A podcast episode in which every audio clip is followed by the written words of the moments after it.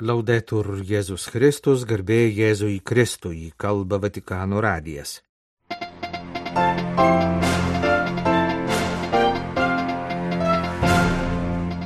Trečiadienio bendroji audiencija popiežiaus katechezės apie įdas ir darybės santrauką.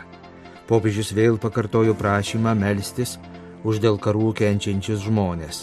Ukrainos prezidentas suteikė valstybinius apdovanojimus popiežiaus valstybės sekretoriui ir Italijos viskupų konferencijos pirmininkui. Korejos katalikai meldžiasi už taiką ir susitaikinimą. Paskelbta ataskaita apie praėjusiais metais nužudytus sielovadininkus. In questo cammino che stiamo facendo di catechesi su vizi e virtù, oggi ci soffermiamo sul vizio della gola.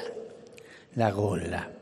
Sausio dešimtosios bendrojoje audiencijoje popiežius Pranciškus tęsė katechezių ciklą apie įdas ir durybės.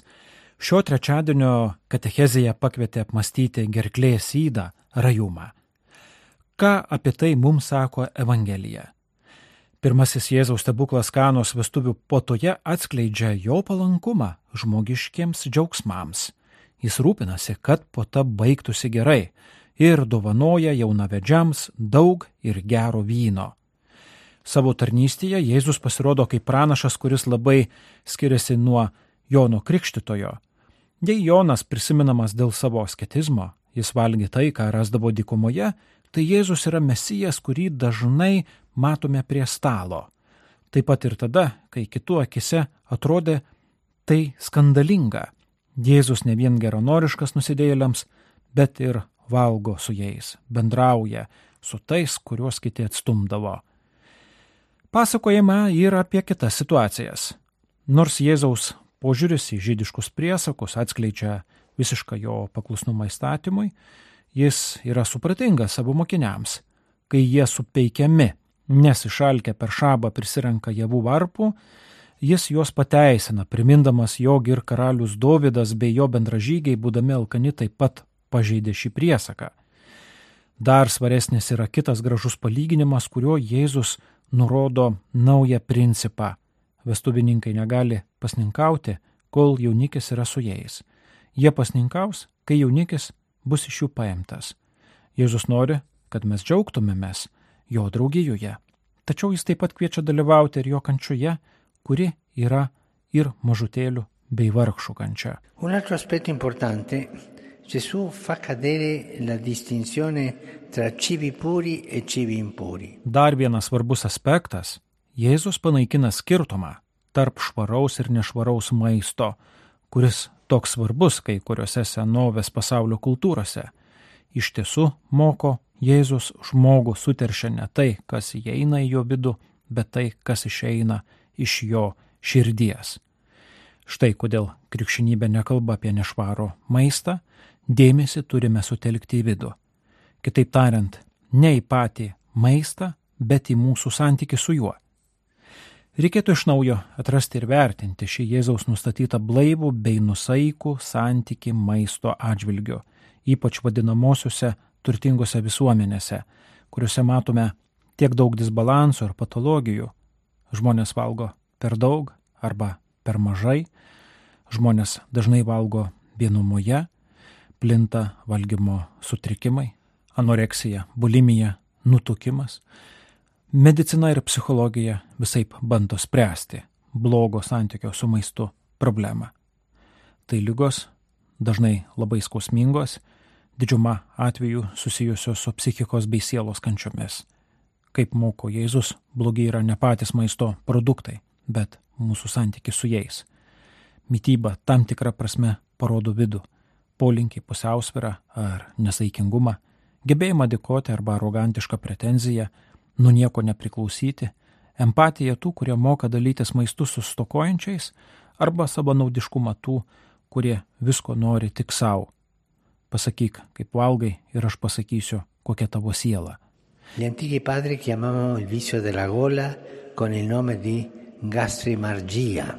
Senieji bažnyčios tėvai rajumo įdą vadino gastrimargija. Šį terminą galima išversti kaip pilvo pamišimas, beprotybė. Tai įda, kurie apninka, mūsų gyvybiškai svarbu poreikį valgymą. Tarsi gyventume, kad valgytume, o ne valgytume tam, kad gyventume. Socialiniu požiūriu rajumas yra galbūt pavojingiausia visai planetai įda. Nuodėmė to, kuris pasiduoda pagundai suvalgyti gabalėlį torto viską susumavus, nedaro didelės žalos. Tačiau gudumas ir redrumas, su kuriuo per pastaruosius kelius šimtmečius įnikome į planetos gyvybės šioje pasaulio dalyje, kelia pavojų visų ateičiai. Mes gviešiamės visko, norime užvaldyti viską tuo metu, kai viskas atiduota mūsų globai ir rūpešiui. Štai kur didžioji nuodėmė pilvo įniršis. Atsisakome žmonių vardo, nesusitaikėme su kitu, vartotojų vardu. Net nepastebėjome, kad kažkas pradėjo mus taip vadinti. Buvome sukurti būti eucharistiniais vyrais ir moterimis, gebančiais dėkoti ir santūriai naudoti žemės gerybės, o tapome plėšrūnais. Dabar pradedame susivokti, kad ši gerklės arba rajumo forma padarė daug žalos mums ir pasauliui. Signore ci, ci Prašykime viešpaties, kad mums padėtų būti santūriais ir kad jokia gerklės rajumo forma neužvaldytų mūsų gyvenimo. Rinnoviamo la nostra vicinanza con preghiera alla cara popolazione ucraina, così provata. Atnaujinkime savo artumą maldoje brangiai ir taip išmėginamai Ukrainos tautai visiems, kurie kenčia nuo karo siaubo Palestinoje ir Izraelyje, taip pat kitose pasaulio dalise. Melskime už žmonės kenčiančius nuo karo ir prašykime viešpati sėti valdančiųjų ir atsakingųjų širdise taikos sėklą. Trečiadienio bendrojoje audiencijoje meldė popiežius Pranciškus. Popiežius Pranciškus trečiadienio rytą susitiko su penkiolika asmenų, dalyvaujančių prieš dešimt metų pradėtame Europos krikščionių ir kairiųjų dialogo socialinės etikos temomis projekte. Iniciatyva gimė 2014 metais po popiežiaus Pranciškaus susitikimo su Aleksiu Cipru nuo 2015 Graikijos premjeru, Europos kairiųjų partijos pirmininku Walteriu Bayeriu ir fokuliarų judėjimo atstovu Francu Kronraifu. Per audienciją Pranciškus paminėjo tris nuostatas, kurios jo įsitikinimu yra svarbios šios dialogo grupės veikloje - drąsą ieškoti naujų formų, dėmesį silpniesiems ir teisėtumo skatinimą. Visų pirma, reikia turėti drąsos išeiti iš nusistovėjusių schemų. In un tempo segnato da, a vari livelli da conflitti e spaccature, Non perdiamo di vista ciò che ancora si può fare per invertire la rotta. Šiuo metu, kai įvairiais lygmenimis vyksta konfliktai ir skilimai, nepamirškime, kad dar galima daug nuveikti, kad padėtis pasikeistų, sakė Pranciškus. Atmesdami griežtus požiūrius, kurie atskiria, puoselėkime dialogą ir klausimąsi atvirą širdimi, net meskime ne vieno pašnekovo politinėme, socialinėme ir religinėme lygmenyse Vertinkime kiekvieno iš jų indėlį, atsižvelgdami į jų konkretų savitumą, kuris gali būti vertingas pokyčių procesuose mūsų laukiančiuose ateityje. Antras svarbus dalykas - dėmesys silpniesiems, pasak Pranciškaus, civilizacijos lygį matuojame pagal tai, kaip elgiamasi su pažeidžiamiausiais žmonėmis. Trečias - teisėtumas. Reikia be jokių išlygų kovoti su korupcija, piknaudžiavimu valdžia ir neteisėtumu. Sažiningumas yra būtina sąlyga siekiant mėgsti sveikus santykius ir veiksmingai bendradarbiauti, kuriant geresnę ateitį.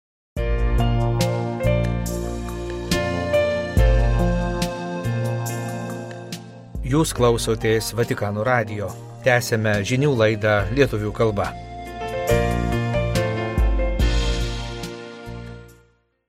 Davose sausio 15 dieną prasidėsiančio metinio pasaulinio ekonominio forumo išvakarėse įvyks kelių šalių nacionalinio saugumo patarėjų ir valstybių vadovų susitikimas apie Ukrainos prezidento Volodymyro Zelenskio Ukrainos taikos formulę. Taikos formulės įgyvendinimo klausimas buvo viena iš temų per sausio 8 dieną įvykusius telefoninius pokalbius tarp Ukrainos prezidento kanceliarijos vadovo ir Vatikano valstybės sekretoriaus bei Italijos viskopų konferencijos pirmininko.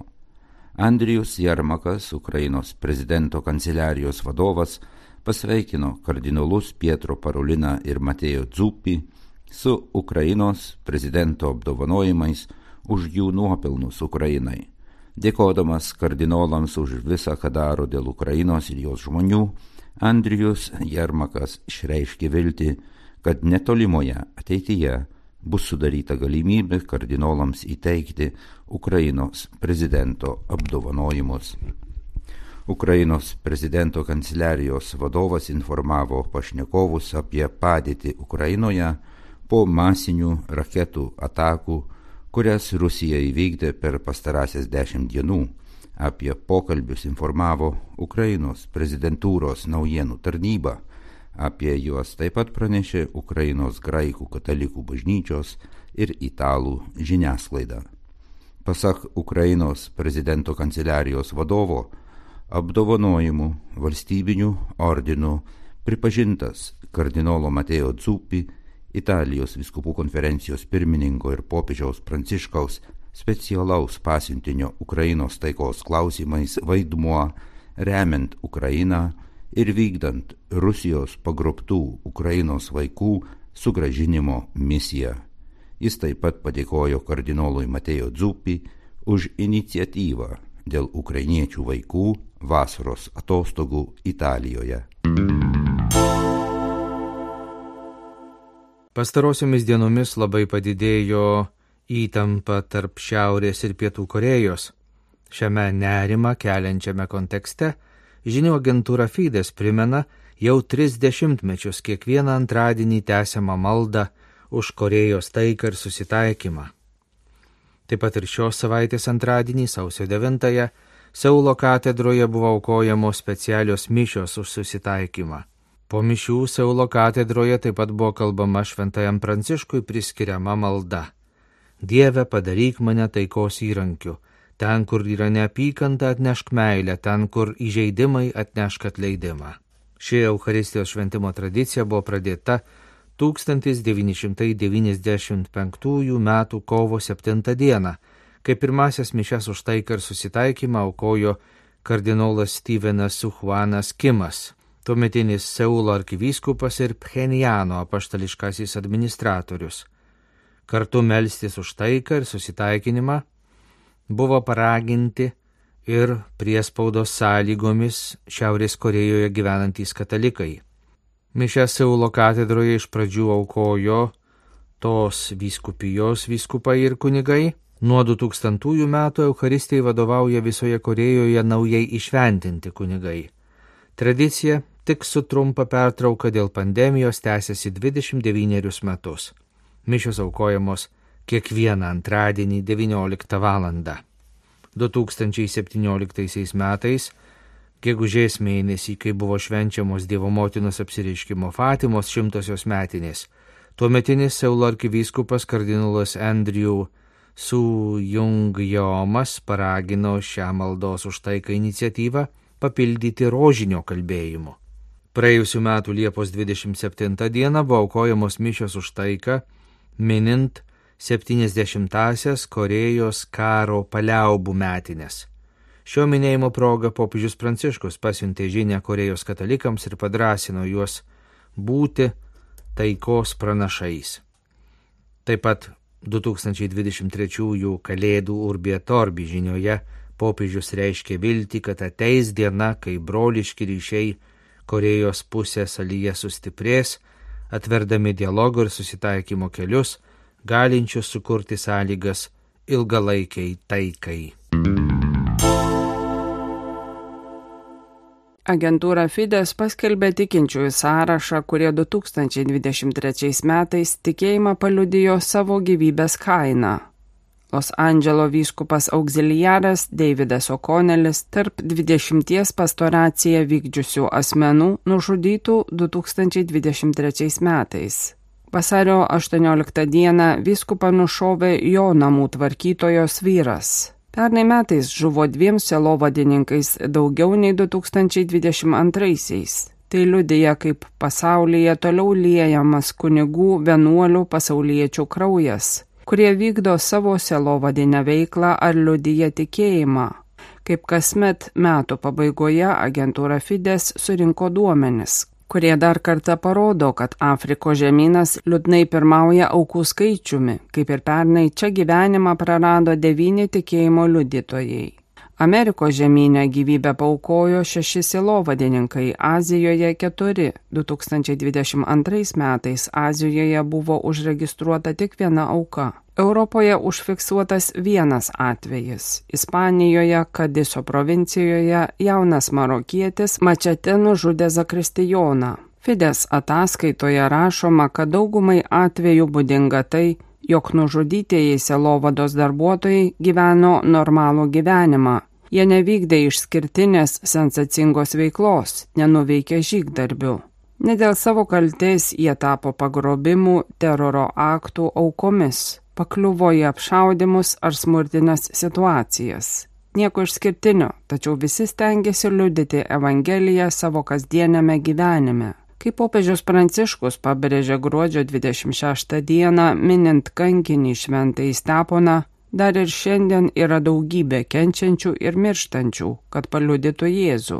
Tai paliudėjo aštuoni kunigai, penki Afrikoje, trys Amerikoje ir du vienuoliai Afrikoje, nužudyti 2023 metais. Šalia jų seminaristas ir novicijus, nužudyti Afrikoje. Daugiausiai pasauliečių prarado gyvybės Azijoje. Dvi selovadininkės buvo nužudytos Filipinuose per išpolį katalikų universiteto sporto salėje, dvi Palestinoje. Snaiperis nušovė gazos motinos Teresės seserų vienuolino vyrėją ir jos motiną, kuri norėjo jai padėti. Ispanijoje nužudytas Zakristijonas irgi buvo pasaulietis. Iš pasalų nužudytos dvi katechetės Meksikoje, kuri aprauda ir dviejų kunigų mirtį. Meksika kartu su Nigerija užima aukščiausią vietą nužudimų skaičiumi. Abiejose šalise nužudyta po keturis sielovadininkus. Nuo 2001 metų nužudyti 564 sielovadininkai. Tačiau agentūra Fides pradėjo rinkti duomenis jau 1980 metais. Remiantis agentūros ataskaitomis, Nuo 1980 iki 89 metų smurtinę mirtį patyrė 115 misionierių. Nuo 1990 iki 2000 640 aukų iš jų Ruandoje per 1994 metų genocidą, sukruvinusi šią šalį. Nuo 1980 metų pasaulyje nužudyti 1283 selovados darbuotojai.